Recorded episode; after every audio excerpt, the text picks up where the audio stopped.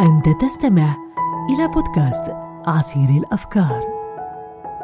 الفكر هو حركة عقلية في المعلومات الحاضرة لأجل الوصول إلى المطلوب، إلى العلم بالمجهول الغائب. بالمجهول الغائب. للأفكار قوة تؤثر على واقعك وتشكله، على سلوكك، على موقفك. إنها تنتقل من عقلك فتؤثر على عقول الآخرين. على عقول الآخرين. أهلا بكم حلقة النهاردة بعنوان عش في حدود يومك. يقول أحد الفقراء الصالحين إنما بيني وبين الملوك يوم واحد. أما الأمس فلا يجدون لذته وأنا وهم من غد على وجل. إنما هو اليوم فما عسى أن يكون اليوم.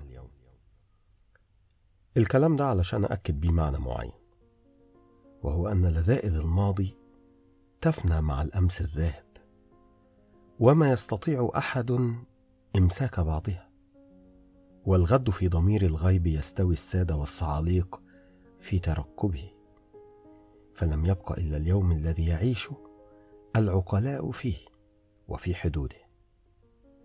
وفي نطاق اليوم يتحول إلى ملك من يملك نفسه ويبصر قصده. أنا عايز أوضح فكرة إن اليوم هو ملكك. هو ما تستطيع التصرف فيه. أما الأمس والغد فدول مش ملكك ولا تستطيع التصرف في واحد فيهم. ديل كارنيجي في كتابه الرائع دع القلق وابدأ الحياة بينقل لنا أقوال العقلاء لدعم الفكرة دي وبيذكر لنا قصص كتير من الناجحين اللي استطاعوا التغلب على مشاكلهم في حياتهم بهذا المفهوم وبهذه الفكرة وادونا خلاصة التجارب. فنقل مثلا عن الأديب الإنجليزي توماس كارليل قال ليس لنا أن نتطلع إلى هدف يلوح لنا باهتا على البعد. وإنما علينا أن ننجز ما بين أيدينا من عمل واضح بين. دكتور أوسلر قال برضو إن أفضل الطرق للاستعداد للغد هي أن نركز كل ذكائنا وحماسنا في إنهاء عمل اليوم على أحسن ما يكون. هذا هو الطريق الذي نستعد به إلى الغد. الأمان والعافية وكفاية اليوم الواحد قوة تتيح للعقل أن يفكر في هدوء. هذا التفكير قد يغير مجرى التاريخ كله.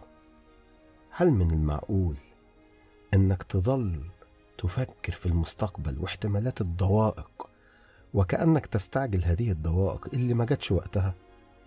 أنت مش معايا إن ده حمق في التفكير؟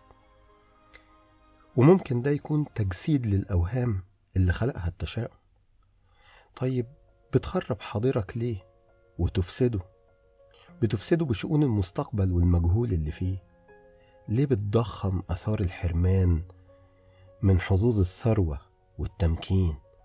ليه بتستهين بالحاضر اللي مملوء بالأمان والطمأنينة؟ بصراحة الاستهانة دي ظلم للواقع اللي انت عايشه. بتتلف عليك الدنيا والدين. عايز تعرف نواة العظمة النفسية وسر الانتصار على الظروف المعاندة لك؟ إنك تكتفي ذاتيا. تحسن استغلال اللي في إيدك الآن. إنك ترمي الاتكال على الأماني. ما تعلقش حياتك بمستقبل مجهول هو مش في إيدك.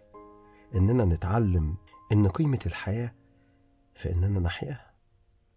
نحيا كل يوم منها وكل ساعة. عشان كده أدرك عمرك وعيش يومك. عيش في حدوده لا في خارجه. عارف إيه اللي بيسرق عمر الإنسان منه؟ يذهل عن يومه في ارتقاب غده ولا يزال على هذه الحال حتى ينقضي أجله. ويده صفر من أي خير. بس في ملاحظة مهمة عايز أقولها لك. مش معنى إنك تعيش في حدود يومك إنك تتجاهل التخطيط للمستقبل. التخطيط للمستقبل والإعداد له ده منتهى العقل. لكن في فرق كبير بين الاهتمام والاغتمام بين الاستعداد والاستغراق بين التيقظ وبين التوجس المربك المحير. حط في عقلك إن الحاضر المكين القوي أساس جيد لمستقبل ناجح. القائد لازم يجهز جيشه ويدربه في الحاضر. الطالب لازم يذاكر ويحفظ المهم من دروسه. التاجر لازم يخطط لترويج سلعته وهكذا. لازم يكون الاستعداد في الحاضر للمستقبل. وهختم بقول الإمام الشافعي لما قال سهرت أعين ونامت عيون. في أمور تكون أو لا تكون. إن ربا كفاك بالأمس ما كان سيكفيك في غد ما يكون. كده بنكون وصلنا لنهاية حلقتنا من عصير الأفكار. أرحب بتعليقاتكم على الإيميل سامح دوت رشاد دوت كي at gmail.com